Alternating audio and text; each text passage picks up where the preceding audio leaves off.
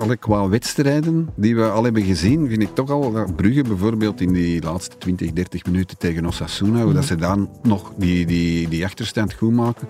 Dat vind ik toch altijd nog wel het beste wat ik heb gezien van een Belgische ploeg dit seizoen hoor. Ik ben voetbaljournalist Janko Beekman en vandaag verleer ik de voetbalactualiteit met onze chef voetbal Ludo van de Wallen en mijn Gazet van Antwerpen collega Koen Frans. Welkom bij de voetbalpodcast van het Nieuwsblad. Welkom bij Shotcast.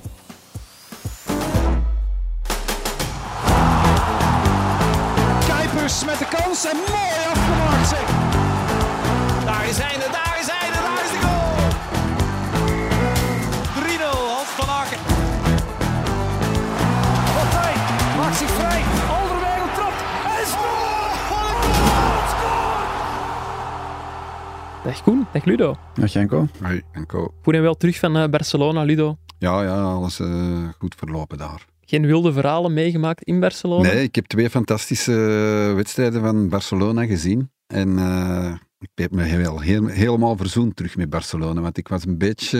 eh, Was ja, de liefde bekoeld? ja, bekoeld, eh, dat zou ik nu niet zeggen. Maar het was toch een beetje minder dat ik zo minder de neiging had om naar die wedstrijden te kijken. Maar nu dat ik ze nog eens twee keer live aan het werk heb gezien en ze heb zien schitteren. En tien goals. toch wel- Tien goals. Ja, en vooral Joao Felix. Tuurlijk, ik heb eh, twee wedstrijden gezien, ook die ja. tegen Betis. Zit hij ook tegen Betis gescout hè, voor, eh, Ja.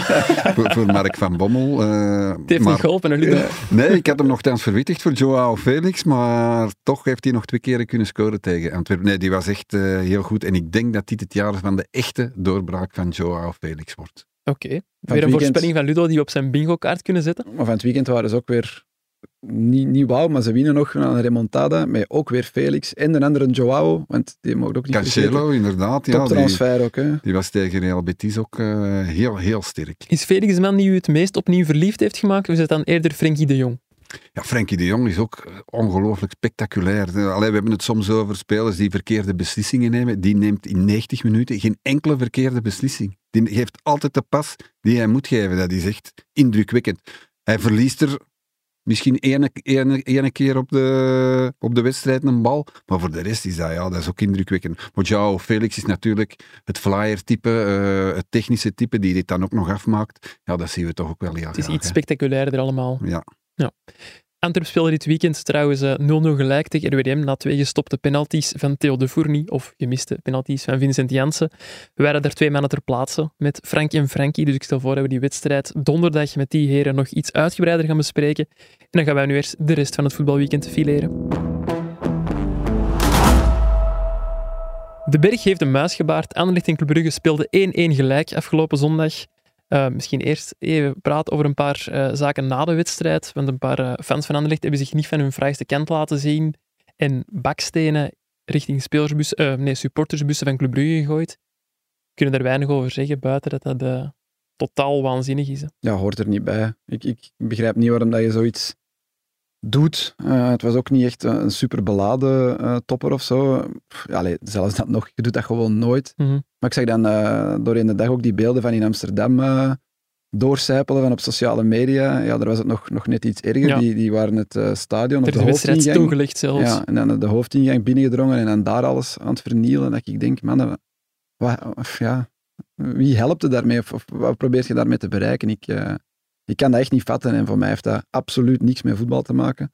En ja, ik stel ook voor dat we er gewoon niet te veel nee, nee, woorden nee. aan vuil maken, want wat kun je daar positief over zeggen? Dat is crimineel, hè? gewoon ja. punt Ja. uit. Dat is gewoon mensen proberen te, te kwetsen of, uh, of, of, pijn te doen. Mensen die per toeval in een andere stad zijn geboren of die per toeval voor een andere club supporter, zoals jij ook voor, die, voor een andere club supporter, dus met dezelfde passie waarschijnlijk.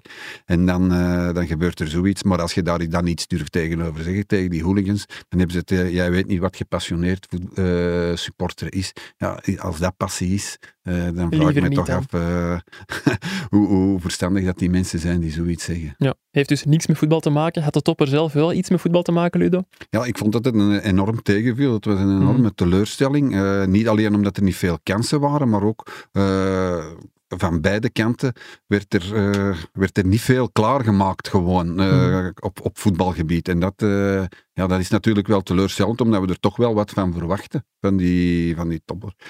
Club Brugge zijnde nog altijd de sterkste kern van het land. En Anderlecht, die toch wel wat versterkt zijn en uh, goede spelers hebben aangetrokken.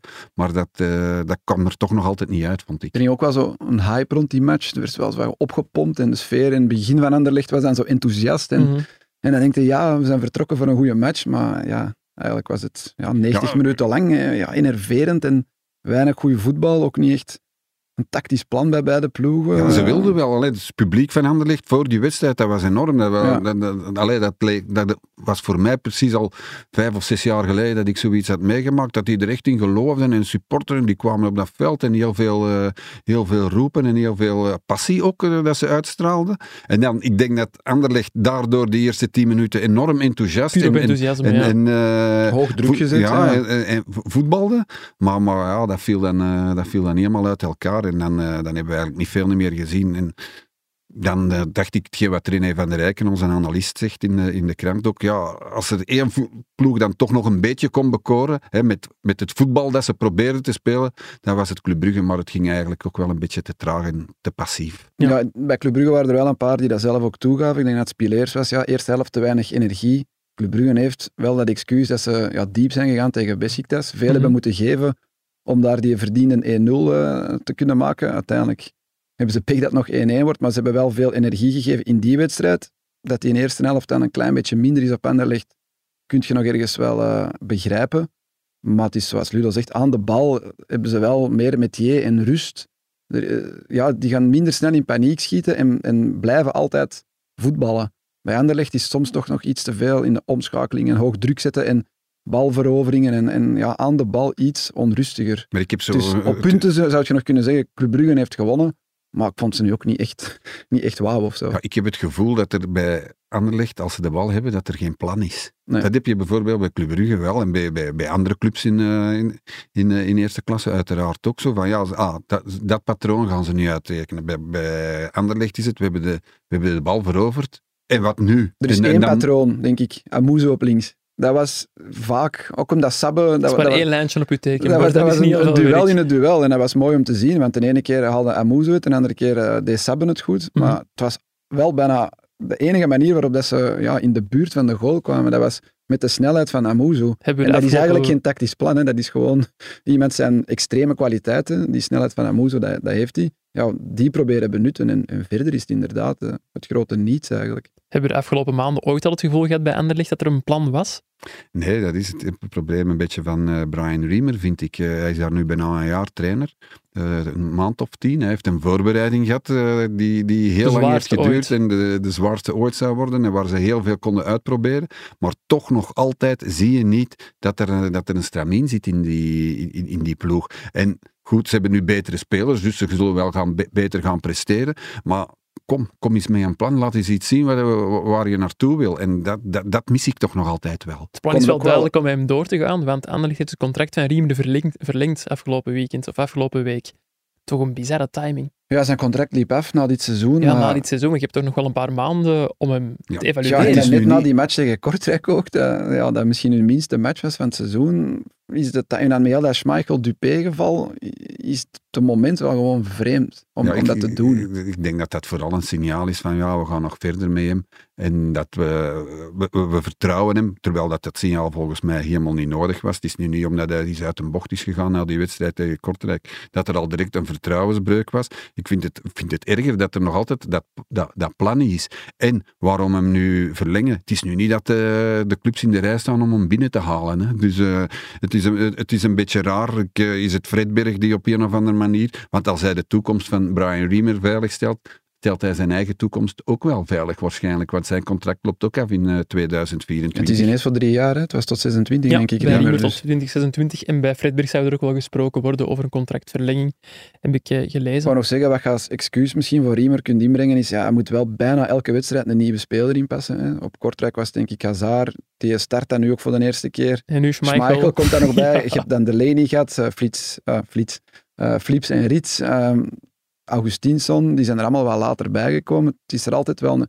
Nu zijn ze compleet en nu zou er wel een soort van type elftal moeten kunnen Mhm. komen, waarmee dat je week in, week uit ja, stramine kan, kan uh, proberen op de mat te leggen en, en ja, een plan. Want dit, dit is wel effectief.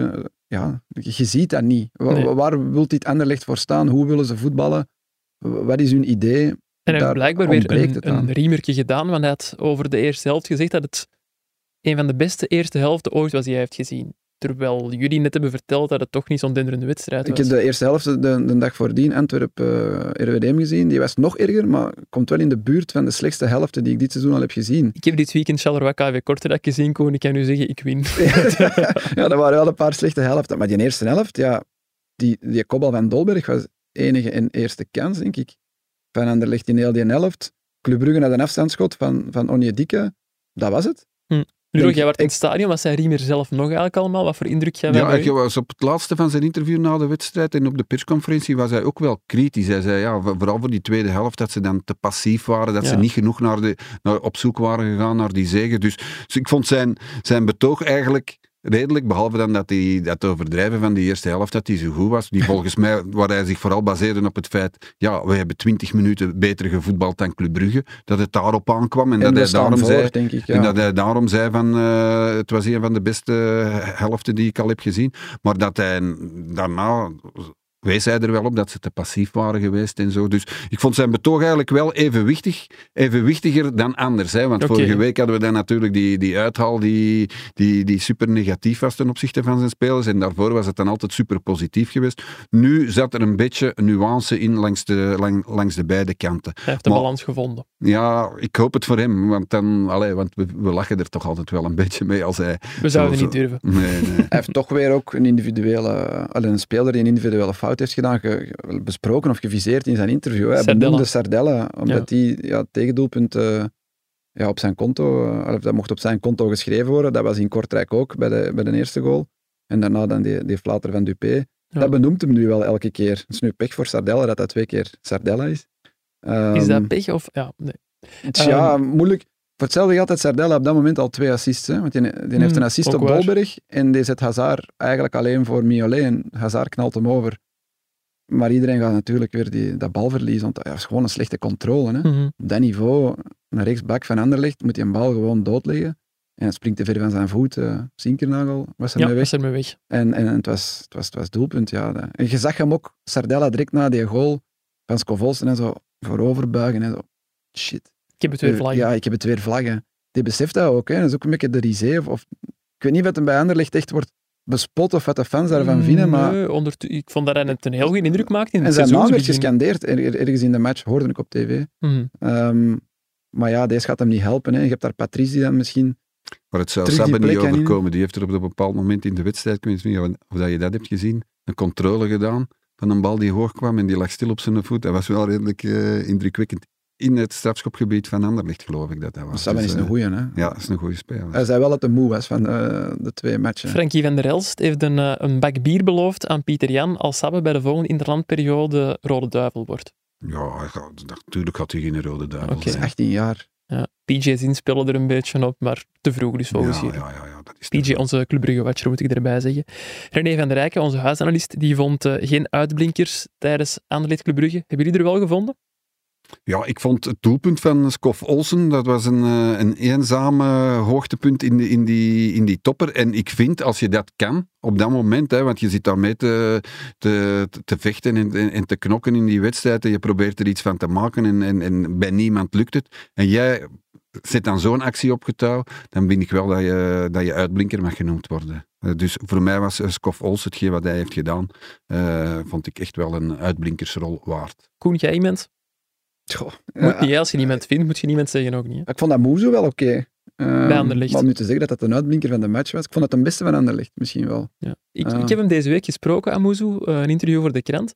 En ik moet zeggen, dus PJ, die we net hebben genoemd, die is echt al ja, maanden voorzitter van de Francis Amuzu fanclub. Hij heeft mij al vaak proberen een lidkaart aan te smeren. Het is nog nooit gelukt, want ik voel het niet. Ik vind, allee, maar als je ermee hebt gesproken, vind je wel een stuk sympathieker. Het is wel echt een lieve gast, en zo moet ik zeggen. Ja, ik vond het wel een, een, een oprecht interview hè, Ja. dat, hij heeft gegeven aan jou, eh, Janko. En nou, dat hij die, dan die vergelijking trekt met, eh, met Doku. Dat is omdat Vond- we hem de vraag stelden. Ja, maar goed. Maar ja, hij heeft niet gezegd, ik ben even goed als Nee, Doku nee. of zo. Hij heeft gewoon gezegd van, ja, wat hij, welke adviezen hij, hij van Doku krijgt. En dat vond ik wel, wel tof. En op die manier heb ik ook naar de wedstrijd gekeken. En hij heeft het ook gedaan. Hij heeft iedere keer proberen die actie te zetten. Natuurlijk niet de kwaliteiten van, eh, van Jeremy Doku, maar ik vond dat hij inderdaad, hij van Anderlecht kant was hij veruit het meest dreigend. Ja. Hij was eigenlijk de enige die dreigde. De enige, ja. En bij hem heb ik wel het gevoel dat er soms Anderlecht supporters wat, ja, wat lacherig of meewarig over hem kunnen doen, over Amuzu. Dus die vraag stelde, heb- stelde ik hem ook van,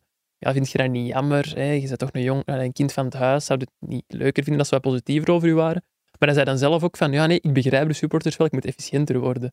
Dus ergens wel mooi dat hij dat ook beseft. Zelfbewust. Ja. En, eh, ja. Ja, maar De lat ligt hoog hè, voor Hij, die hij speelt nu zes jaar eh, Ja, het mag in, wel de- gaan komen in, in de. A-ploeg van, eh, van Anderlecht. Mag nu wel stilletjes aan, eh, hij mag nu stilletjes aan echt wel doorbreken en echt wel efficiënter worden. Hè. Ja. Want dat was gisteren eigenlijk ook weer het geval. Hij, hij, hij deed die acties wel. Sabbe die zag in verdedigend opzicht zeker alle sterren van de, van de regenboog, kan ik niet zeggen. Van de Alle kleuren van de regenboog en de sterren van de hemel. Maar eh, het kwam ook nog niet zo heel veel uit. Hè. Nog een beetje werk aan de winkel. Ja.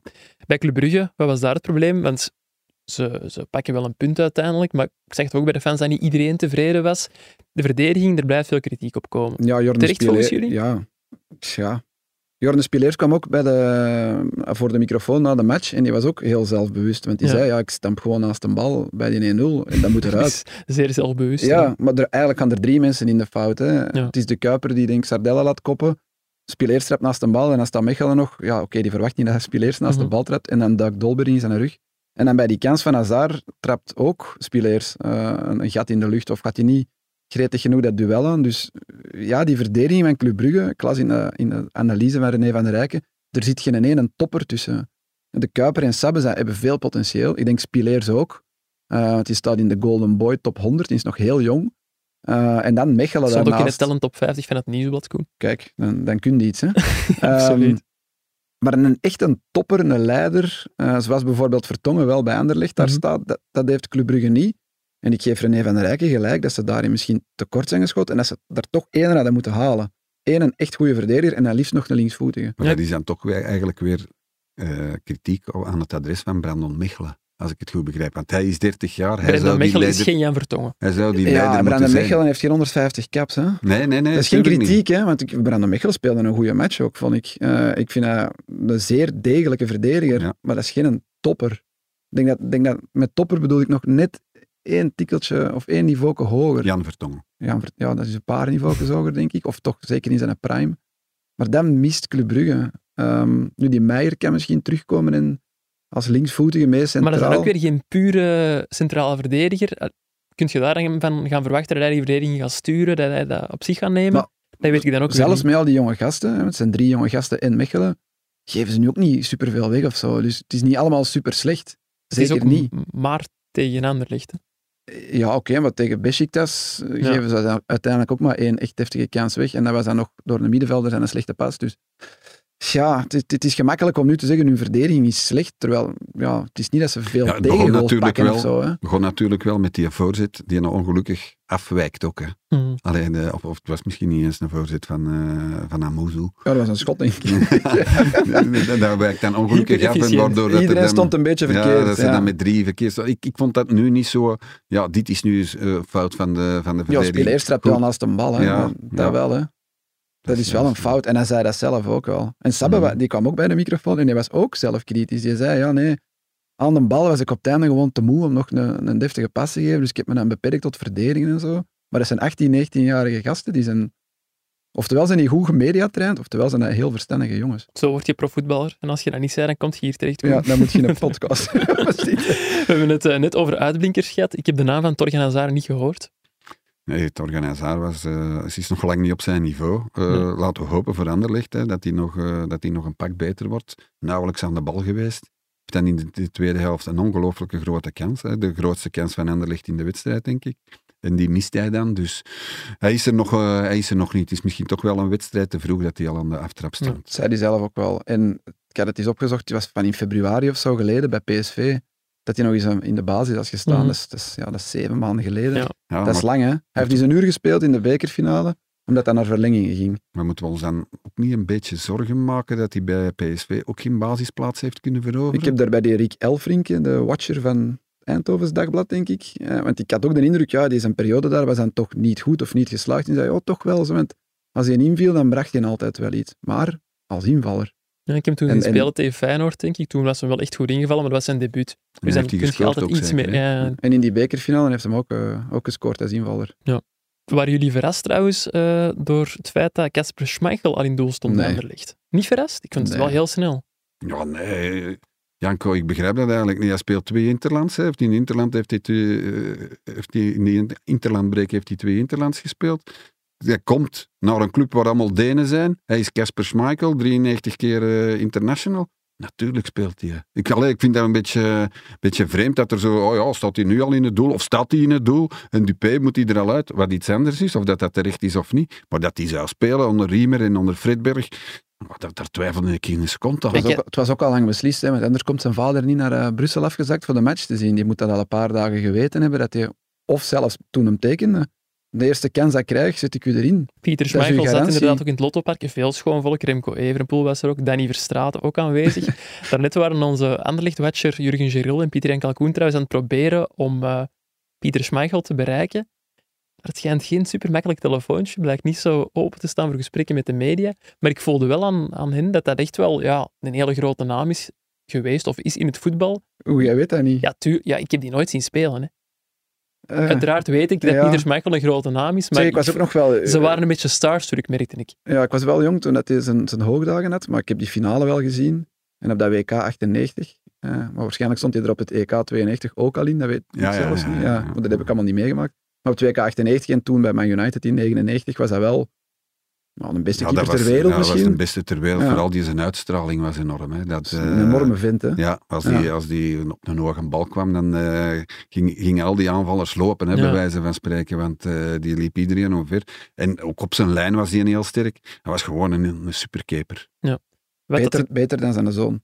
Ja, zeker beter dan zijn zoon. ja. En ik vond die trouwens wat dik staan, zijn zoon. Of lag dat aan het truiken? Ja, ik, volgens mij is die altijd wel redelijk Dat is een eh, maar- geweest. Pieter Schmeichel zelfs trouwens ook. Hè. Ja, dat is was waar. ook, eh, was Ja. ook een, een grote struizenman. Hè. Wat de keuze voor Schmeichel nog ironischer maakt, is eh Y-Scout. Dus wij werken bij het Nieuwsblad met de eh, ja, statistieke database eh Y-Scout en daar heb je ook eh, een index. Er is eigenlijk voor elke positie houdt Y-Scout op basis van de data bij wie dat de beste speler op die positie is. Bij de doelmannen blijkt dat Maxime Dupé te zijn. Maakt het extra pijnlijk. En ik dacht, nu ik die eh, index toch heb openstaan, zal ik met jullie eens een quizje doen wie de uitblinkers op de andere posities zijn. Want jullie zullen nog niet gaan kijken zijn. Hè? Ik heb Y-Scout regelmatig openstaan. Oeh, maar, dus eh, de beste centrale verdediger van het moment is in België of bij Anderlecht? in België. Ah. Watanabe. Eh, Koen, ik geef jullie allebei de kans. Mijn moeilijk. We gaan Met de Smits, met de moeten Smits, wegknippen. kom hier. Nee, het is eh, Toby Alderweireld. Ah ja, oké. Ook niet verrassend. Die heel verrassend. De beste back van het moment. Munoz. De Kuiper? Hugo Sieke. De beste verdedigende middenvelder. Wij gaan hier echt af, hè, Janko. Oh, nee. Dat zijn de data maar, hè. dat is iets anders dan het blote het oog. zijn data, hè. het zijn niet Ja. de kinders. Hè. Beste verdedigende middenvelder. ehm Verrassend, moet ik zeggen. Verrassend. Charles van Houten? Ja, ik dacht aan eh, Heinen of, eh of Vermeeren of zo. Zie-beschrijvers. Beste centrale Speelt hij als middenvelder. verdedigende middenvelder bij Leuven? Ja, Altijd? Ja, ja. ja. Beste centrale middenvelder. Dus Puertas. ik geef een tip, een ploeg of zo. Eh, Union. En het is niet Puertas. Niet Puertas. Lazar. Lazar. En ik ga Ludo dit cadeau geven. De beste aanvallende middenvelder is wel Puertas. Dus daar houdt echt Oh, wel ik dacht dat je dat wilde zeggen. Nee, nee. De beste flankaanvaller. Koita? Ja, lijkt me ook. Allebei correct. Ja, ja, hij is topschutter. Ja, hij is topschutter als flankaanvaller. En dan nog de beste spits. Kuipers? Ekkert? Kevin Denke. Van Cercle Brugge. Veel spelers van Cirkel Brugge. eh, Ja, dataploeg, hè. Ja, Ja. waarschijnlijk. Toch En- een, eh, en En wat, veel van wat, ook, hè. wat wordt er dan allemaal in overschouw genomen? Voor Eh, elke positie zijn dat uiteraard andere zaken. Bijvoorbeeld voor centrale verdedigers het dan over gewonnen duels, over eh, aantal keer de nul, de nul gehouden met de ploeg. Eh, maar je kunt dat echt wel, ik kan dat gerust eens opzoeken, voor elke positie opzoeken met welke data er rekening wordt gehouden. Maar mm, het zijn nu ook geen namen waarvan dat je zegt van, dit slaat op niks. hè. nee, Wacht, is Dupé de beste van heel België? Qua keepers, ja. Wow. Dat betekent dan meeste reddingen, Ja, meeste, meeste doelpunten reddingen, tegen. ja, eh, inderdaad. Dat is wel, dat is wat drieër- gezegd voor de match tegen Kortrijk, dat, dat hij nog niks verkeerd had gedaan en links en rechts zelfs echt iets goed had gedaan. Dus, Top 3 is Maxime Dupé op 1, Jean Buté op 2 en Arnaud Baudard op 3. Oké. Dus valt iets voor te zeggen. hè. Ja. Ik maak uit jullie analyse van de topper op dat de Anderlecht en Club Brugge jullie nog niet hebben kunnen overtuigen. Dat dat nog... Ja, wel, Club Brugge heeft mij al kunnen overtuigen, vooral in die wedstrijd tegen Besiktas bijvoorbeeld. Allee, bedoel, als je het over heel het seizoen bekijkt, die hebben al goede wedstrijden gespeeld, hè, Club Brugge. Dus Ook al veel goals gemaakt. Maar ja, toch en niet die om te zeggen, dit is de ploeg van het moment. Dit is de beste ploeg van België op dit moment. Goh, Qua kern wel. en ik Qua vind- mogelijk. Maar de qua voetbal was hun beste ik zeggen, speler was er nog niet bij. En ze komen na een Europese match en ze spelen eigenlijk ja, een topper op Anderlecht, die toch inderdaad enorm versterkt zijn. En ze pakken daar een verdiend punt. En als er iemand meer had verdiend, waren zij het misschien ook wel, op basis van hun spel. Om je te zeggen, ja, ik vind dat je vrij negatief... Ja, ik probeer gewoon een negatief. bruggetje, een bruggetje te maken, Koen, maar ik heb het verpest. Ah, naar, ga nou naar Gent, ga nou naar Gent springen.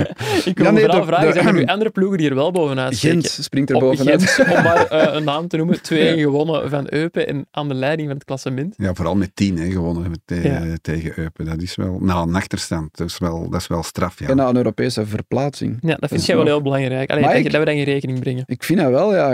Je ziet toch vaak ploegen eh, punten laten liggen in het weekend na een Europese match. Zeker als ze hebben moeten reizen. En eh, Gent moest naar Polen, of waar hebben die gespeeld tegen die Oekraïnse ploeg? Ja. Dat is toch, ja, dat, dat kruipt toch in de kleren. En twee, je komt dan vrijdag terug, of in de nacht, en je Mhm. moet dan twee dagen daarna terugspelen tegen Eupen, die ze duidelijk in de eerste helft hebben onderschat. En om dat met tien man dan toch nog om te keren, dat je toch nog die drive in en energie vindt, dat vind ik straf. Ja, maar ik vind toch wel, allee, qua wedstrijden die we al hebben gezien, vind ik toch al dat Brugge bijvoorbeeld in die laatste 20, 30 minuten tegen Osasuna, Mhm. dat ze dan nog die, die, die achterstand goed maken. Dat ze donderdag speelden tegen Besiktas. Dat vind ik toch altijd nog wel het beste wat ik heb gezien van een Belgische ploeg dit seizoen, hoor. Dus Oké. eh, goed. Gent presteert heel, heel, heel allee, toch redelijk constant. Hè. In, in Luhan, tegen Luhansk was het eigenlijk eh, helemaal niet goed. Maar die spelen eh, redelijk constant en goed. Ja. Maar, maar het beste voetbal dat ik al heb gezien is toch van Club Brugge. Oké. Waar, weliswaar niet alle, in alle wedstrijden, maar, maar toch wel.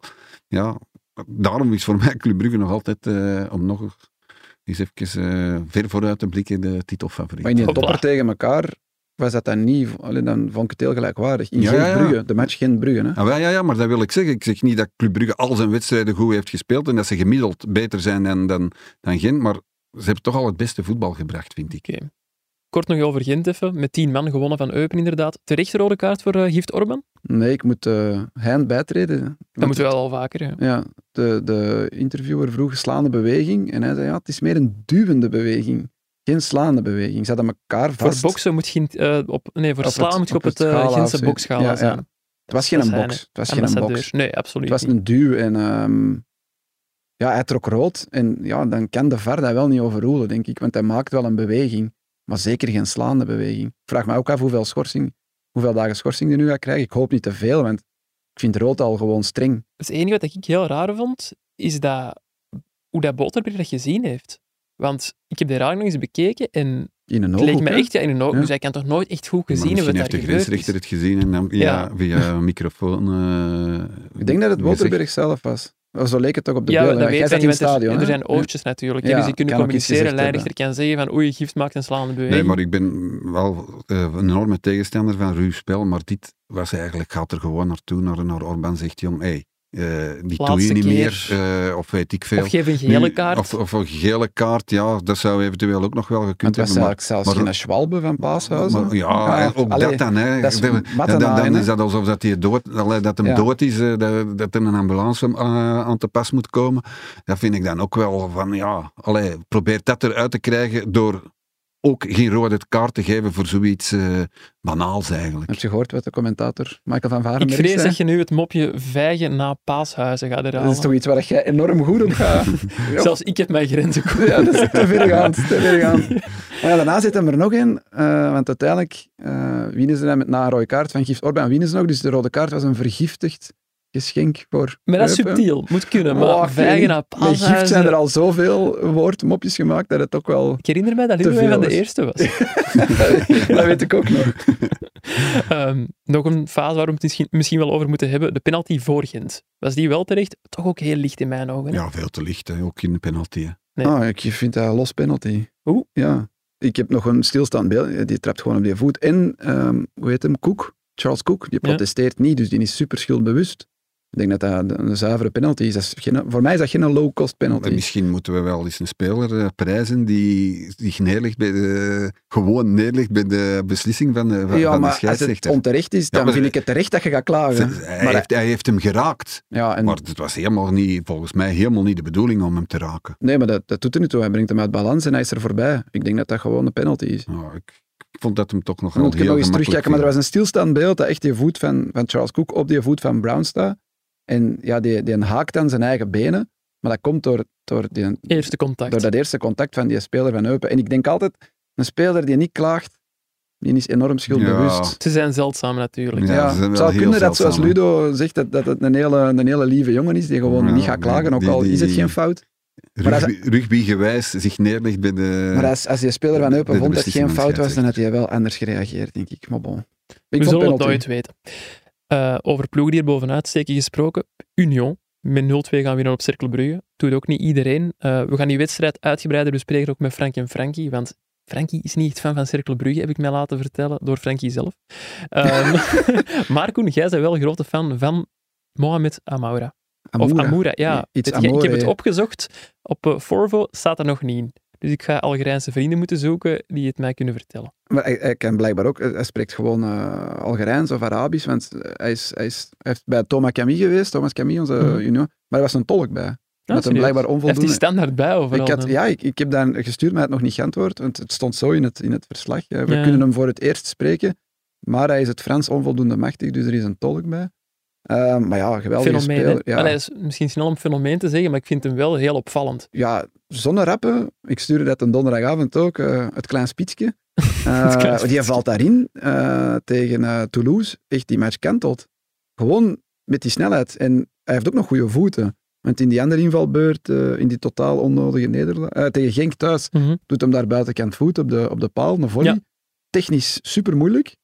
Dus hij kan ook nog heel goed voetballen, maar vooral die snelheid, hè, die heb ik nog niet... eh, Dat is toch wel fijn dat we zo... veel gezien. We, verliezen elk seizoen topspelers Er en dan komen er komen er altijd bij er komen ja, altijd ja. Nieuwe, nieuwe in de plaats. En deze is inderdaad ook wel eh, spectaculair. Ja, absoluut. Maar ik en had ook gecheckt vorig jaar, acht goals in, in Zwitserland. Dat is nu ook niet... Om, het seizoen voordien in Algerije heel veel. Hè. Ja, maar ja, wat niveau is het? Algerijnse Oh. competitie, En heeft hij veel wedstrijden gespeeld, Koen? Ja, eh, het was tussen de 20 en de 30 matchen Ja. en acht golen. maar die competitie in Algerije blijkt echt wel deftig niveau te halen. Ook, hè. Dat is, allee, Noord-Afrika hebben wel meer competities die... Ja, Oké ik denk dat zijn, dat hè? ook wel eh top, Maar top, ik, dat top kan in ik Afrika helemaal niet inschatten, maar de Ja, Zwitserse competitie kunnen we een beetje inschatten. Lugano hebben we ook zien Kou, joh. spelen. Kou. Ja. Hier is het ook kou in de winter. Hè. Allee. ja, nee, maar dat is misschien wel een serieuze aanpassing van Algerije naar Zwitserland. We spelen niet allemaal in de bergen. Hè. Allee, dat- Nee, nee, nee, nee, dat weet ik. Maar Ja. het is toch kouder in Algerije, Koen? ja, dat, dat, Ah. pas op, kan in Algerije volgens mij ook koud zijn. Hè. Ja, Oh, Het gaat misschien ook over het systeem of zo. Wie speelde met naast hem en zo. Je, je weet dat niet. Misschien stond er ook nog een kleine naast hem. En Ja. Waardoor dat het... slechte coach ik, of zo. Ik vind, nu, allemaal. ik vind nu wel dat het klikt met die Nilsson. Want iemand stuurde Die ook... Nielsen vind ik een vervelende Ja, voetballer. is- Oh, echt. Ja, maar speelt er maar eens tegen. Hè. Nee, liever niet. Ja, echt. er niet Nederland veel duels en fouten, maar Zaagt nee. ook veel. Ja, Ja. zagen. Nee, lijkt gewoon een beetje een Burgess, maar dan in de spits. Maar dat, ja, maar dat bij die bij weet ik wat hij allemaal doet naast het veld, vrijwilligerswerk, dat soort dingen. En dat maakt hij voor mij nog iets Misschien sympathieker. Nielsen dat ook. Hè. Het zou kunnen, maar dan moeten we dringend in de krant vertellen, want nu, ik, ik kan hem niet uitstaan, sorry. Want Amaura had, al, die had al een schitterende goal gemaakt, die dan werd afgekeurd voor een voorafgaande fout. Die had hem zo in de verre kruising gelegd. Eigenlijk had hij een Mhm. hat ja, ja, kunnen hebben. Ja. Hè. Ehm, ja, ik vind, ik vind het ehm, een leuke binnenkomen nu. Twee, dat was zijn eerste basisplaats. Hè. Die twee invalbeurten waren ook al uh, veelbelovend. En dan nu, ja, die gaat er niet meer uit, denk ik. Het was trouwens wel een pijnlijk moment uh, bij de eerste goal van Union. Ik zal het misschien even kaderen. Dus uh, Cercle Brugge speelde zonder sponsors zondag, maar wel met logo van Me2You op de borst. Eigenlijk om de, de strijd tegen bloedkanker onder de aandacht te brengen. Vandaag, maandag, zou Miguel van Damme ook 30 jaar geworden zijn, indien, indien hij niet overleden was. en in de 16 minuut is er dan, zoals altijd, applaus voor Miguel van Damme. En die eerste goal van, um, van Amaura, van Union, valt exact in minuut 16. Dus die wordt meteen afgekeurd door Bram van Driessen voor buitenspel. En ze gaan het spel hernemen. En op dat moment begint de minuut applaus in het stadion. Dus Bram van Driessen, ik denk op dat moment, die ligt het spel stil om allemaal samen te applaudisseren, ook met de spelers en zo. Ik denk, oké, mooi moment, ik wil dat al doorsturen voor de zeven die u niet heeft gezien op onze website. En exact na die minuut applaus moet Van Driessen meedelen aan het stadion dat de VAR heeft gezien dat het toch geen buitenspel was. Maar dat lijkt me echt heel moeilijk om als scheidsrechter op dat moment dat nieuws te moeten meedelen. Of een, dat is pijnlijk, ja. Jammer momentje. Maar, ja, correct, uiteraard, ja, ja juist is juist, uiteraard. Hè. Maar, nog zeggen van Union ook, die hebben zelfs een beetje geroteerd. Hè, want je hebt cirkel een vervelende ploeg, maar gaat er maar eens winnen. En de manier waarop van Union vond ik vrij indrukwekkend. Maar die hadden Sadiki, Puertas en Lapoussin op de bank gezet. Ja, ja. Puerta is de beste aanvallende middenvelder van de competitie. Eckert Tayensa is nog gekwetst, dus daardoor speelden ook die Nielsen en die Amaura. Die spelen met drie basisspelers van vorig jaar en die doen gewoon nog hun ding. Hè. Ik, ik blijf dat verbazingwekkend. Eén of de hebben die gehad, die 4-0 in Mechelen. En voor de rest hebben die elke keer gewoon hun match gespeeld. Nieuwe trainer, een heel nieuwe ploeg. Dat, dat maakt niet uit. Ik, ik blijf dat echt straf vinden wat de Union doet. Ja, ik, allee, en ik blijf zeggen wat ik altijd al zeg, die hebben spelers in die kern zitten zoals uh, Morris, zoals uh, Burgess, spelers die gewoon die groep op een of andere manier kunnen wakker houden en, en, en, en bij hen houden. Dat is echt... Uh, Zeer straf. Ja, dat zijn, allee, ik denk dat je de rol van Burgess en, en Maurice in dit, en vorig jaar dan nog Teuma erbij ook, niet, echt niet mogen onderschatten. Nee, zeker niet. Voor uh, de meest spectaculaire match van het weekend moesten we in Limburg zijn. Daar speelde Genk en Sint-Truiden ook gelijk, maar wel met het uh, nodige spektakel. Liefst 3-3 werd het in de Limburgse derby. Aboubakari Koita, is dat topclubmateriaal? Waarom zeg jij niet de Limbasico? Uh... Ik ben tegen de Limbasico. dat is wel een goede Limbasico. Ja, ik vind het toch wel, uh, wel een goede. Ja, maar dat wordt al te vaak gebruikt, vind ik. Niet? Ja? ja? Misschien moeten we eens nadenken over een nieuwe naam voor bepaalde uh, wedstrijden. Ik heb al gedacht, zo Antwerpen-Beveren, de slag om de Kennedy-tunnel. Als er nog suggesties zijn, stuur ze zeker door. Maar Koita, materiaal voor een topclub? Goh. Hij heeft, hij heeft bij Antwerpen gezeten, dacht ik, hè? Dat niet? Komt, hij niet van Beveren? Ja, van Beveren, Beveren naar de CVV, dacht ik. Ik zal het opzoeken ondertussen, maar boom er Ja, het ding is, met, hij is nu topshooter, zes goals. Natuurlijk, hij maakt er dit weekend drie. Maar zo'n match was van het weekend, dat alles lukt, dat zijn eerder zeldzaamheden bij Koita. Ja, hij zou beter minder hattricks maken en af en toe eens, of elke week gewoon scoren dan... Ja, alleen nu ga ik die, die, die jongen hier afbreken, terwijl hij een geweldige match heeft gespeeld, maar er zit nog geen constante in in zijn prestaties. Als hij dat kan brengen... Um, uiteindelijk vorig jaar hadden die uh, Gianni Bruno, die maakte ja, heel veel goals, ja. verspreid over heel veel matchen, die daar ook STVV heel veel punten hebben opgeleverd.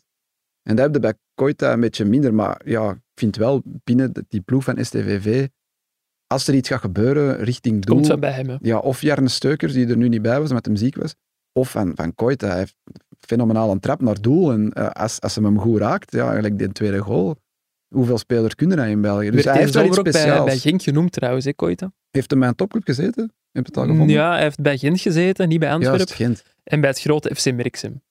Dat zal het grootste geweest zijn in Antwerpen. Ja, dat na... bedoelde Ludo ook ongetwijfeld. Lira en ASV Geel, maar dat was in de jeugd. Merksem en Antwerpen, dat ligt nog wel dicht bij elkaar. nee, uh, ik vind wel in, nu in de constellatie van uh, Sint-Truiden, die daar uh, een spits hebben lopen, die, waar dat je eigenlijk niet veel mee kunt aanvangen. Uh, die Kaya. Die, die ja. Kaya.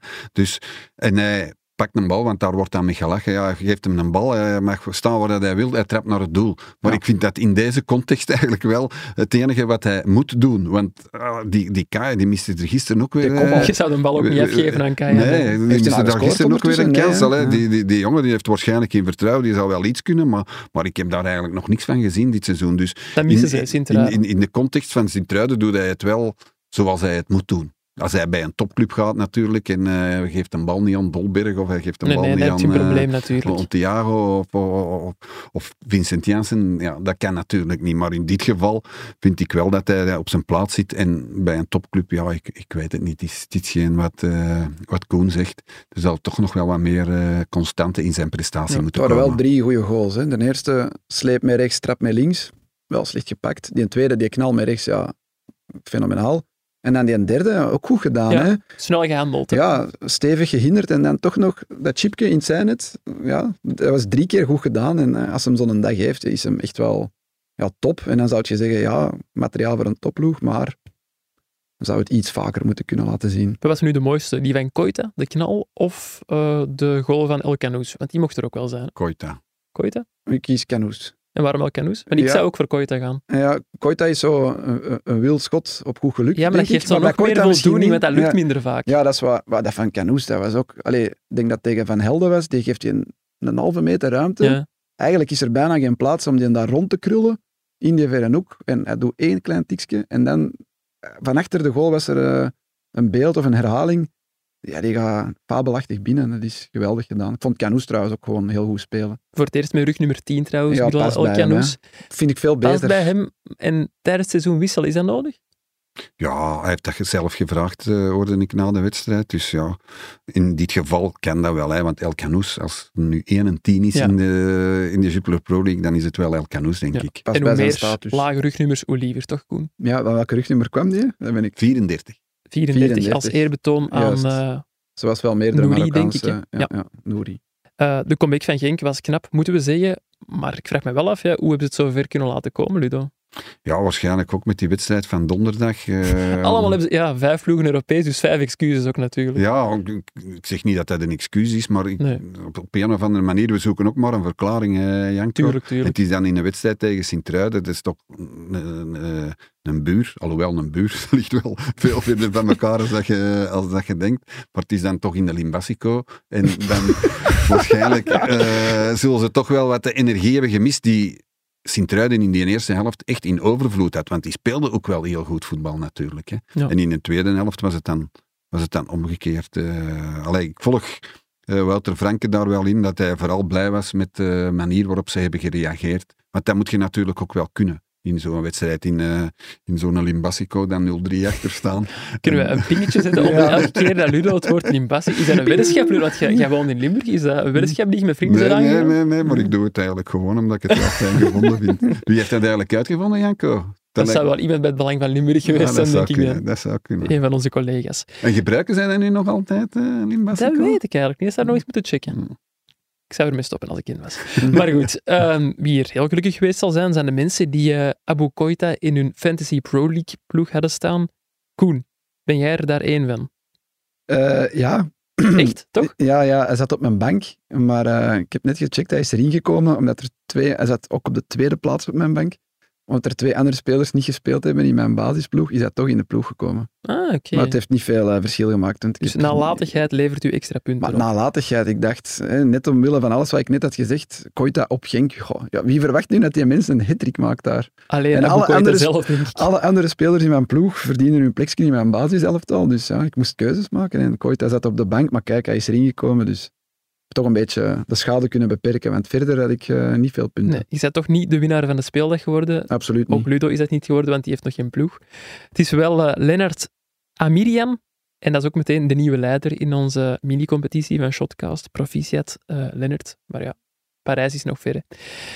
die had niet geheel verrassend Abu Koita in zijn ploeg staan en ook Andreas Kof-Olsen. Die heeft wel wat punten opgeleverd. Niet heel verrassend. Tijd voor een blik op de kelder van het klassement. Daar voelt Edward stil, stilaan nattigheid. KV Kortrijk verloor zaterdag met 1-0 van Charleroi en staat nu allerlaatste in de Jupiler Pro League, samen met Westerlo, maar mensen ligt er doelpuntensaldo. Ik heb eens aan onze KV Kortrijk-watcher Elian Koesemint gevraagd hoe het nu zit met de situatie van stil bij Kortrijk.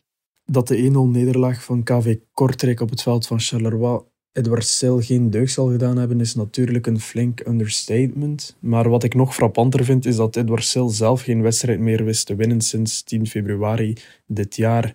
Maar KV Kortrijk doet eigenlijk niet veel beter, want zij wisten niet meer te winnen sinds 18 maart in de Jupiler Pro League. Het is gewoon een beetje lastig ook, omdat Edward Sel weinig eh, negatieve zaken ziet bij zijn team. Allee, die zijn er natuurlijk wel, maar hij durft ze gewoon weg niet te benoemen. En dat is ook iets wat de, niet alleen de pers stoort, maar ook natuurlijk de supporters. Hij is eigenlijk gewoon een eeuwige positivo die alles rooskleurig ziet bij een slecht gaand Kortrijk op dit moment. Maar ik denk dat de kans dat hij nu al ontslagen wordt misschien eerder klein is, omdat die wedstrijd nu op vrijdag valt tegen Cirkel Brugge en hij misschien wel nog een kans zal krijgen. Maar dan stel ik me ook wel de vraag als watcher van wie kan dit KV Kortrijk uit het slop trekken? Moet men dan opnieuw rekenen op een Bernd Stork, maar ik denk niet dat de Duitser gewillig is om terug te keren naar Kortrijk, omdat ze nu echt nog in viezere papieren zitten en omdat ze echt helemaal onderaan bengelen. Vorig jaar was dat ook wel het geval, maar de situatie toen was niet zo erg. En er is ook minder kwaliteit in vergelijking met vorig jaar.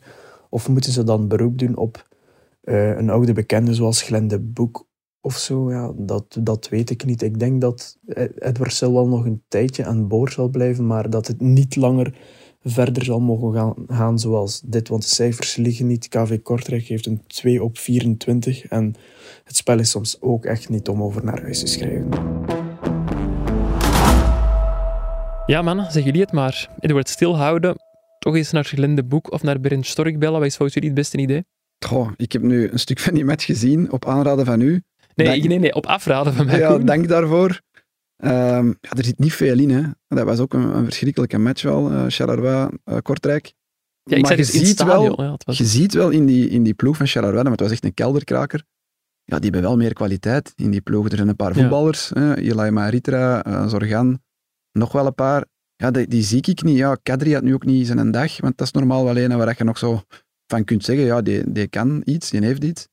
Maar bij Kortrijk is het volgens mij een manifest gebrek aan kwaliteit. Dat ik mij afvraag, een andere trainer, een andere filosofie, gaan die dan zoveel meer punten pakken? Want ze moeten, ja, ze willen die playdowns vermijden, maar dan moeten wel drie ploegen voorbij gaan. En alle ploegen zijn stilletjes aan punten. Ja, er ontstaat een kloofje ondertussen. Op Westerlo na eh, is dat al een gat uh, met die andere ploegen. En dat ik mij afvraag, zit daar een andere trainer en gaan die dat, allez, gaat hij dat wel dichten? Misschien even in het begin nieuw, vernieuwd enthousiasme of vernieuwde hoop. Maar... Ze hebben natuurlijk niet veel kwaliteit, maar bijvoorbeeld zo'n speler als K3, die, die, die vorig jaar toch, vorig seizoen, indruk maakte. Er mm. zaten zelfs een paar... Uh, zelfs genoemd bij Ajax en Anderlecht ja, dit seizoen, deze zomer. Topclubs achter. Dus ja, probeer alvast dat die mannen op hun niveau komen. Goed, dat kan zijn dat er, dat er persoonlijke problemen spelen, maar probeer die op niveau te krijgen. Als je die niet op niveau krijgt, natuurlijk, je beste spelers, ja, dan gaat het zeker niet lukken voor, uh, voor een club als Kortrijk. Weet je dat het moeilijk wordt. Uh, ik ben, uh, het is niet dat ik hier nu sta te roepen om, om een, een, trainerswissel, maar en ik zou durven zeggen, als er dan toch een trainerswissel zou komen, zou ik het toch durven proberen met Glinde Boek.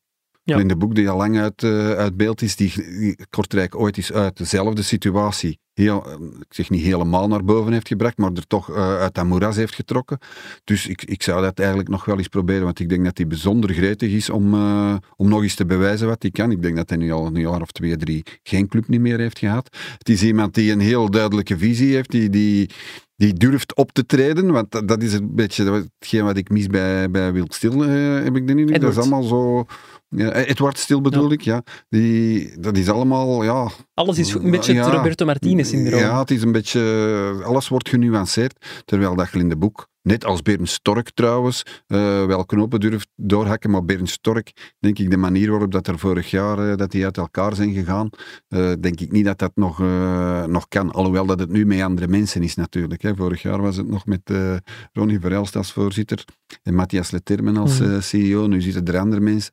Maar ik denk dat dat, dat dat moeilijk is, omdat hij ook veel mensen binnen Kortrijk die dan daar nog altijd zitten veel tegen de schenen heeft, eh, eh, heeft geschopt. Dus misschien bij een Stork zal misschien wat moeilijker liggen, maar, maar, maar Stork of, of, of Glindeboek, ik zou dat toch, toch proberen als er een trainerswissel komt. Ik ben ja. hier niet aan het pleiten voor het, uh, voor het ontslaan van uh, uh, Edward Stil. Maar ze spelen nu tegen Cerkelen en dan is het tegen Westerlo, als ik me niet vergis.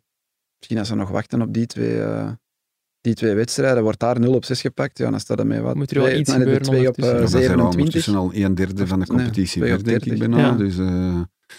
ja, ik, ik denk echt dat een trainerswissel niet veel zoden aan de dijk gaat brengen. Meestal nee, ze hebben niet veel kwaliteit. Ze hebben echt niet veel kwaliteit. Ze hebben al hun beste spelers laten gaan, behalve K3 eigenlijk. Ja. En voor de rest uh, moeten ze zwemmen zonder, uh, zonder bandjes aan, bij wijze van spreken.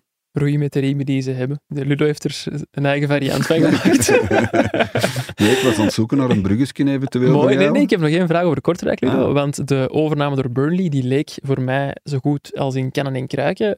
Maar die blijkt nu te zijn afgesprongen. Las ik in een stuk van u. Ja, inderdaad. Vorige week eh, hadden wij het er nog over gehad op de vergadering, hè, op eh, de donderdagvergadering. En niet langer dan een uur daarna kregen we het bericht van, eh, ja, het is afgesprongen. We hebben zowel Elian, onze Kortrijk-watcher, als ikzelf uh, wat aan het rondbellen geweest. En dat werd niet officieel bevestigd, maar het, uh, uit verschillende bronnen werd gezegd ja. En, en dan een bron die we echt wel kunnen geloven, die heeft gezegd van, uh, ja, je kunt nooit, nooit zeggen, zei maar op dit moment is er niks meer. Dus Ja, ziet maar het er Op niet basis van wat ketst dat dan nog af, als dat al zo verre, verregaande onderhandelingen waren? Ja, het schijnt dat er eh, op gemeentelijk vlak is er een, eh, is er een brief eh, verstuurd vanuit het gemeentebestuur van Kortrijk. Rechts van Burnley. vanuit het gemeentebestuur van Kortrijk dat zij eigenlijk inspraak wilden in de, in de overname. Ja. Meer details eh, zijn daar niet over bekend en het schijnt dat daarop eh, Burnley is afgehaakt. Burnley heeft gezegd van ja goed, eh, als, als, als het zo begint dan, dan hoeft het voor ons niet meer. Maar Burnley zat er inderdaad, zit achter de transfer van Kana naar schijnt, heeft ervoor gezorgd dat de transfer van Robert de Koster van Cerkelen naar Kortrijk, dat die niet doorging, want ze vonden die niet goed genoeg. Allee, ze, zij hebben er al wel wat in de pap te brokken gehad, maar blijkbaar zou het nu af, afgesprongen zijn. Daar lijkt het wel heel hard op. Straf. Ik vertel het al, ik zat zaterdag eh, in Charleroi naar de eerste. Ik heb dus echt live die wedstrijd gezien in het stadion. Ehm, Chapeau. Ge- Geen aanrader. Maar ik zat er en het zat al niet vol het stadion en dacht echt zo van, ja, allee, vrij triestig niveau dit eigenlijk. Maar als je dan eigenlijk even uitzoekt en kijkt naar de competitie in zijn algemeenheid en zo meerdere van die kleine tussen aanhalingstekens ploegen kijkt, valt het eigenlijk nog wel mee in onze competitie. Vind ik dat er nog wel veel ploegen zijn die een zeker een aantrekkingsfactor hebben. Je hebt ja, Cercle Brugge, dat toch leuk is om naar te kijken. Union is erbij gekomen. KV Mechelen en OHL, om het er eens over te hebben, dat is een bruggetje. Wow. Ook fijne ploegen. Of, of bekijken jullie dat anders? Nee, ja, er zijn elk seizoen wel ploegen die, die qua niveau er misschien ja, net, net iets onder zitten. Eh, we hebben zo Serijn gehad, we hebben zo eens Beerschot gehad.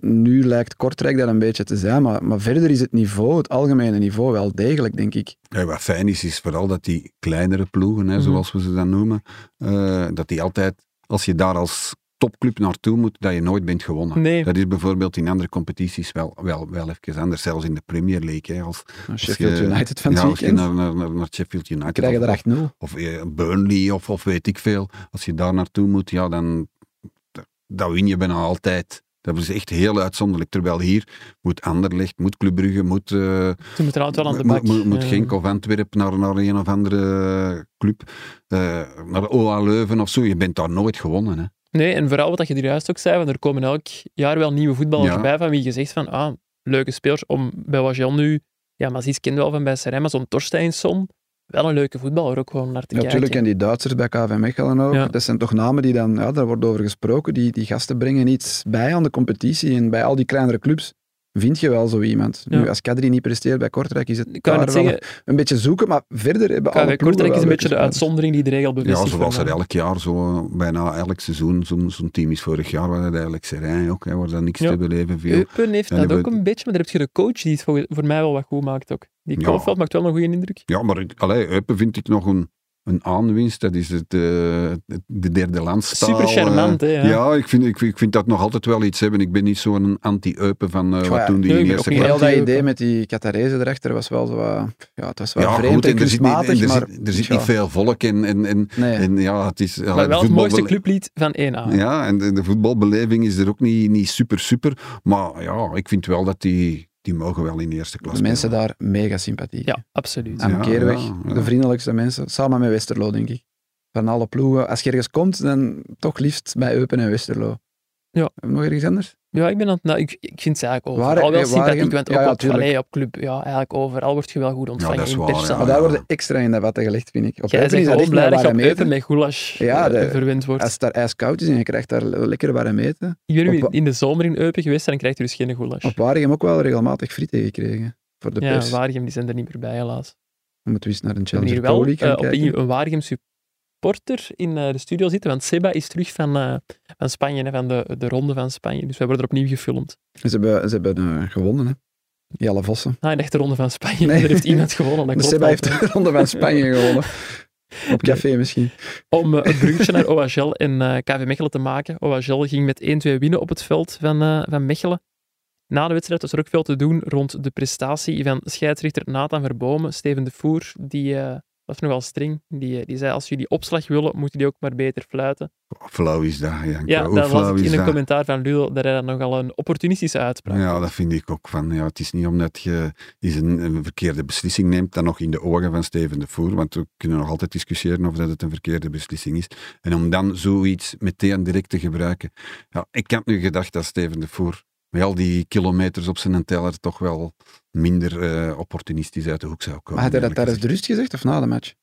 Ik Nee, denk- tijdens, tijdens, tijdens de discussie, Ja. tijdens de fase zo. Ah, ja. Dan kan ik Ah, het zo. enigszins nog begrijpen In dat het of the emotie moment. naar boven Ja. komt, maar ik denk dat het Nee, maar dat zit dan toch al wel in je hoofd. ja, hè. ja. In het interview na de match was hij veel eh, diplomatischer. Dus maar, ja, op dat moment, want het was bijna goal aan de ene kant, uiteindelijk penalty aan de overkant. Ja, dat je dan als coach van de benadeelde ploeg, tussen aanhalingstekens, uit je krammen schiet en de ref van alles begint te verwijten. Ja, dat, Misschien even kaderen. Hij verwijst ook naar het feit dat er vandaag een algemene vergadering in de Pro League bezig is. Die zal nu eigenlijk, tegen dat de podcast online komt, ook al afgelopen zijn. En daar wordt onder meer het strategisch plan voor de refs voor de komende vier jaar besproken. En daarin is ook opgenomen dat de refs een indexatie en stevige opwaardering van hun loon willen. En dan vooral voor de VAR. Die krijgt nu in België per eh, wedstrijd 450 euro bruto, bovenop een, een semi-professioneel loon. Dat is ongeveer een vierde van wat dat de veldref krijgt, terwijl dat in andere landen eh, ongeveer 50% is van wat de scheidsrechter op het veld krijgt. Dus ze zouden dat willen verhogen. Wat ik, wel vind, begrijp. Ja, ik vind dat ook geen onlogische vraag. Zeker van omdat voor de. VAR er rust ook heel veel verantwoordelijkheid op die mensen hun En schouders. om nog eens over de voer, hè, die, die heeft dan misschien effectief iets verkeerd gezien van eh Verbomen in deze match, maar zijn spelers maken ook fouten Ah, wel, en, ja, verdienen, dan- en dan- verdienen belachelijk veel meer dan die scheidsrechters. Ja. En hij maakt zelf En die vragen ook, ook wel eens een- opslagen. En die vragen ook opslag. En, en hij maakt zelf waarschijnlijk ook wel eens een tactische fout. Iedereen maakt een fout. Om daar dan een loon aan te koppelen of een vraag naar meer loon of meer waardering, is misschien wel wat De ongepast. En, scheidsrechter is de belangrijkste persoon op het veld. Mhm. dat, dat is gewoon zo. En verdient het minste van allemaal. Moeten we dat dan misschien logisch vinden? Dat is toch eigenlijk ook niet logisch. En als je, ah nee, dat had ik dan ook eh, gezegd, if you pay peanuts, you get monkeys. Hè? Ja, zijn ja. dat profs eigenlijk? nee, dat, dat wou ik net zeggen. Dat vind ik het grote, grootste probleem eigenlijk, is dat die Die hebben gewoon een job. ik vind hè? op zich dat Ja. die refs niet slecht verdienen op dit moment. Als je hè, alles optelt, hun semi-professioneel loon, dat is niet overdreven hoog, dat is een oké loon. Maar als je op een maand Hoeveel drie wedstrijden... Ik denk dat dat... Rond de dat zou ik moeten 2000, op- ja, rond de zoiets, hè? 2000 euro ligt daar ongeveer. Eh, als je dan nog pakweg drie wedstrijden op een maand kunt fluiten, heb je volgens mij toch een mooi loon verdiend. Maar ja, nog lang niet zoveel als die voetballers. En heel veel van die refs blijven het dan ook combineren met hun gewone dagjob. Eigenlijk allemaal, het zijn allemaal semi-profs. Terwijl ik heb dan zoiets van, investeer er misschien nog iets meer in, dat we naar profrefs kunnen gaan. En die denkoefening heeft de voetbal- voetbalbond ook gemaakt. Maar dat kost dan nog eens 2 miljoen euro extra per seizoen. Ja, Ja, dan nog gaan die fouten blijven maken. hè. Het is niet omdat je een prof bent of een semi-prof dat je mm. minder... Tja, ik denk toch minder. Ja, ik weet denk ook niet. Minder. dat je En het nu- niveau ermee gaat verhogen. nu Je gaat ook meer mensen van- aantrekken. Hè? Ja, dat, dat, wel, dat, dat wel. Het is ook onaantrekkelijk. Je moet maar dan nog zot zijn dat hij wil doen, eigenlijk bijna. Hè. Wij mogen blij zijn dat er nog mensen dat willen doen. Want je krijgt altijd van alles naar je kop geslingerd. Nu weer verbomen. Dat is altijd bij die. Ja, die is van het Leuvense. Ik heb dat nog eens opgezocht. Die is aangesloten bij Bertem Leefdaal. Want elke scheidsrechter is bij Ja. een club aangesloten. En dat is ja, op een boogscheut van Leuven. Het is Mechelen-Leuven. Trainer van Mechelen zegt, ja, het, hij fluit hier in ons nadeel. Al die supporters van Mechelen springen daarop.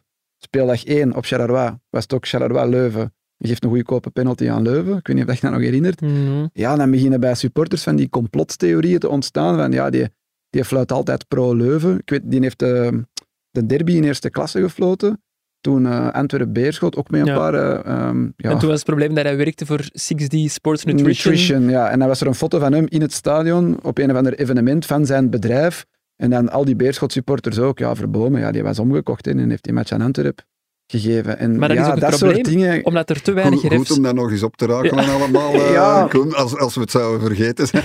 Maar dat komt dus denk ik ook omdat hij, omdat hij een, een, een semi-prof is die nog een job heeft. Als hij een fulltime prof is en die komt nu toevallig uit het Leuvense, dan... Ja, en ik moet ook wel... Allee, ik zeg niet dat dat de reden is dat hij bepaalde dingen fluit of niet fluit. Ik vind dat ook wel ongelukkig dat een ref uit Leuven, een ploeg uit Nee, Leuven moet Janko, dan, dan stop het. Waarom moet je dan stoppen? hè? Dan heb je die, ja, zijn onkel is een supporter van Club Brugge. Waarom mag jij dan eh, voor Club Ja, je Brugge kunt altijd Maar een in- link vinden met een of andere op de- club. Ja, je kunt altijd wel iets vinden. Maar in de ideale wereld kun je daar dat- rekening mee houden. Maar Kun ik- je zeggen van, we hebben genoeg refs en we, we laten Ja, die nee, wedstrijd nee, zelfs dat niet, vind ik. Ik vind dat je daar geen rekening moet houden. Die scheidsrechters, allee, ik, ik eh, praat toch al redelijk lang mee. Ik heb al heel veel met scheidsrechters. Die zijn maar met één ding bezig. hè. Dat is met hun eigen carrière. Ja, dat is waar. En de, en de- en- Die en- willen en- een zo goed mogelijke ja, match en dat is hetgeen wat die wil. Die willen een zo goed mogelijke wedstrijd fluiten.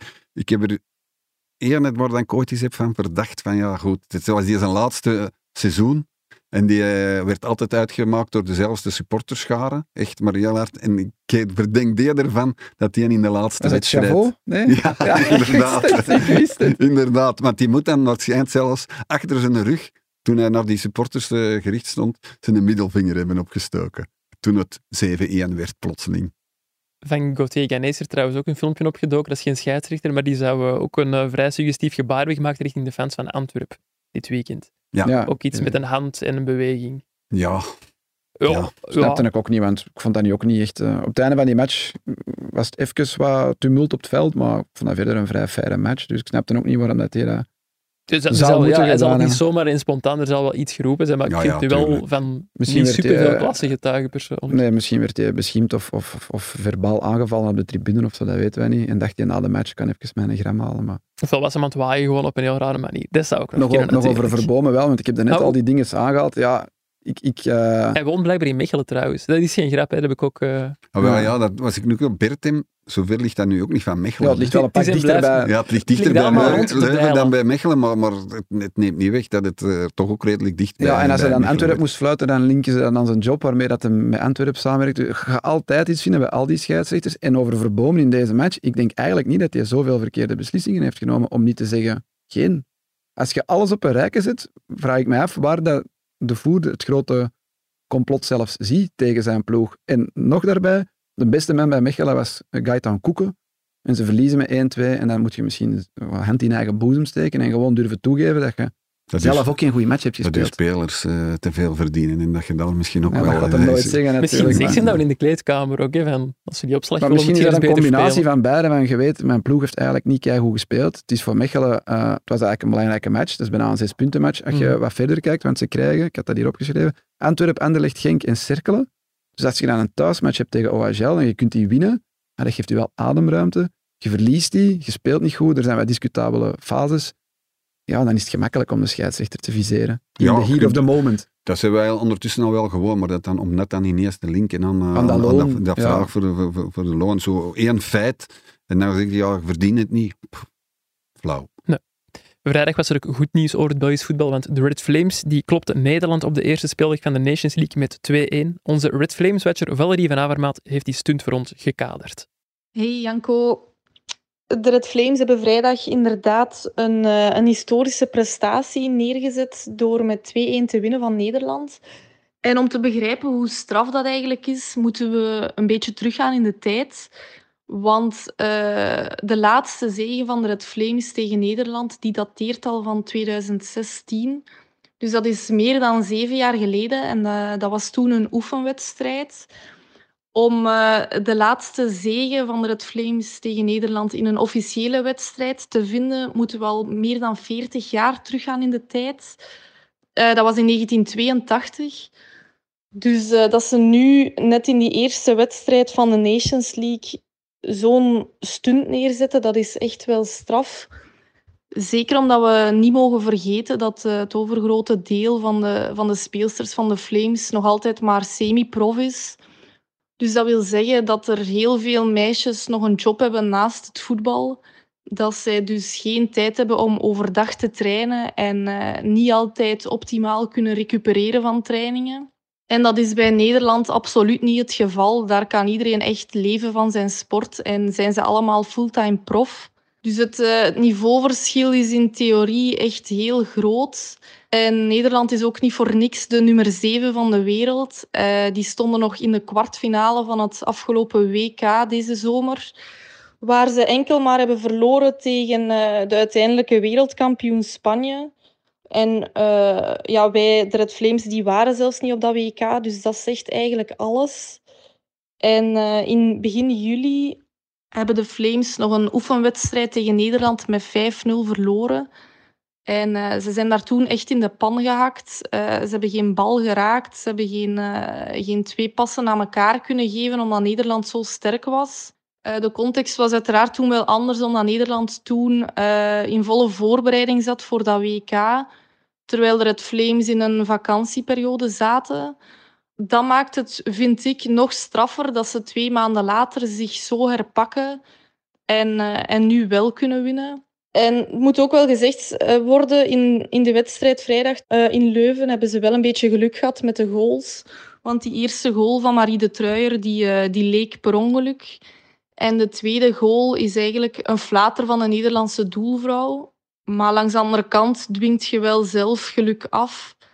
En het lijkt er ook een beetje op dat er het Flames een tactiek hebben gevonden waarmee ze resultaten kunnen neerzetten tegen, tegen goede ploegen. En dat is dezelfde tactiek als eh, vorige zomer op het EK, toen ze tot in de kwartfinale zijn geraakt.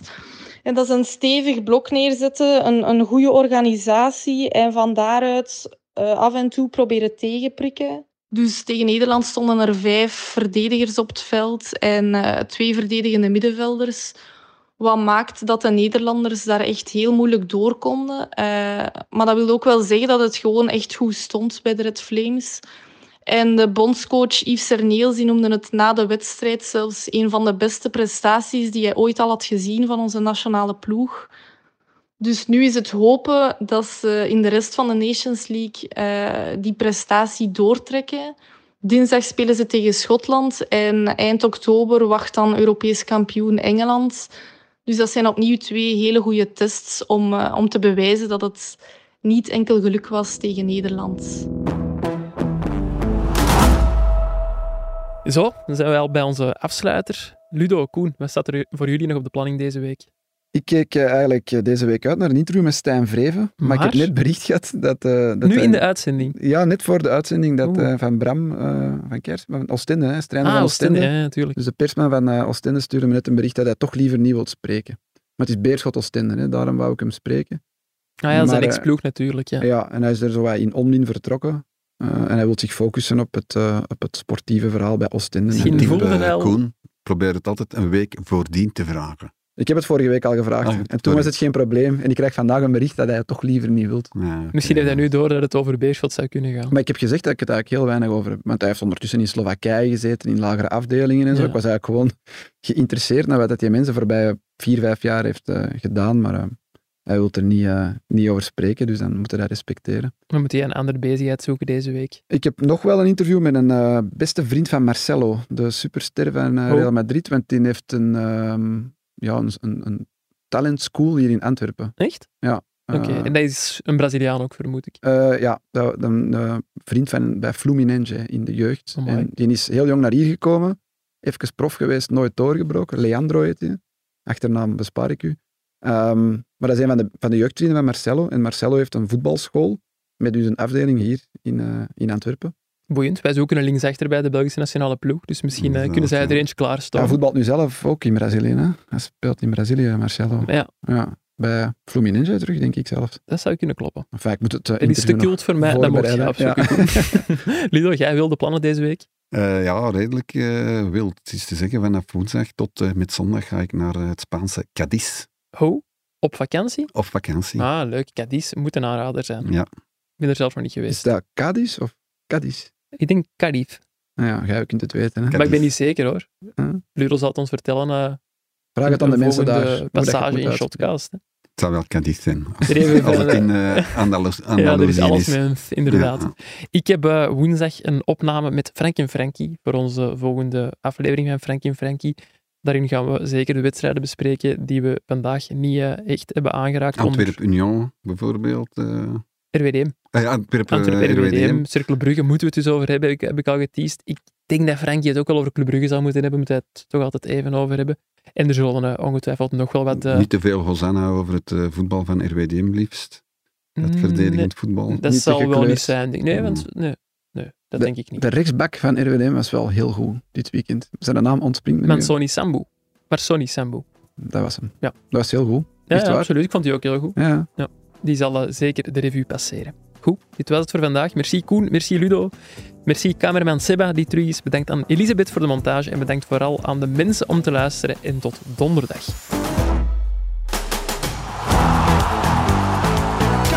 Met de kans en mooi.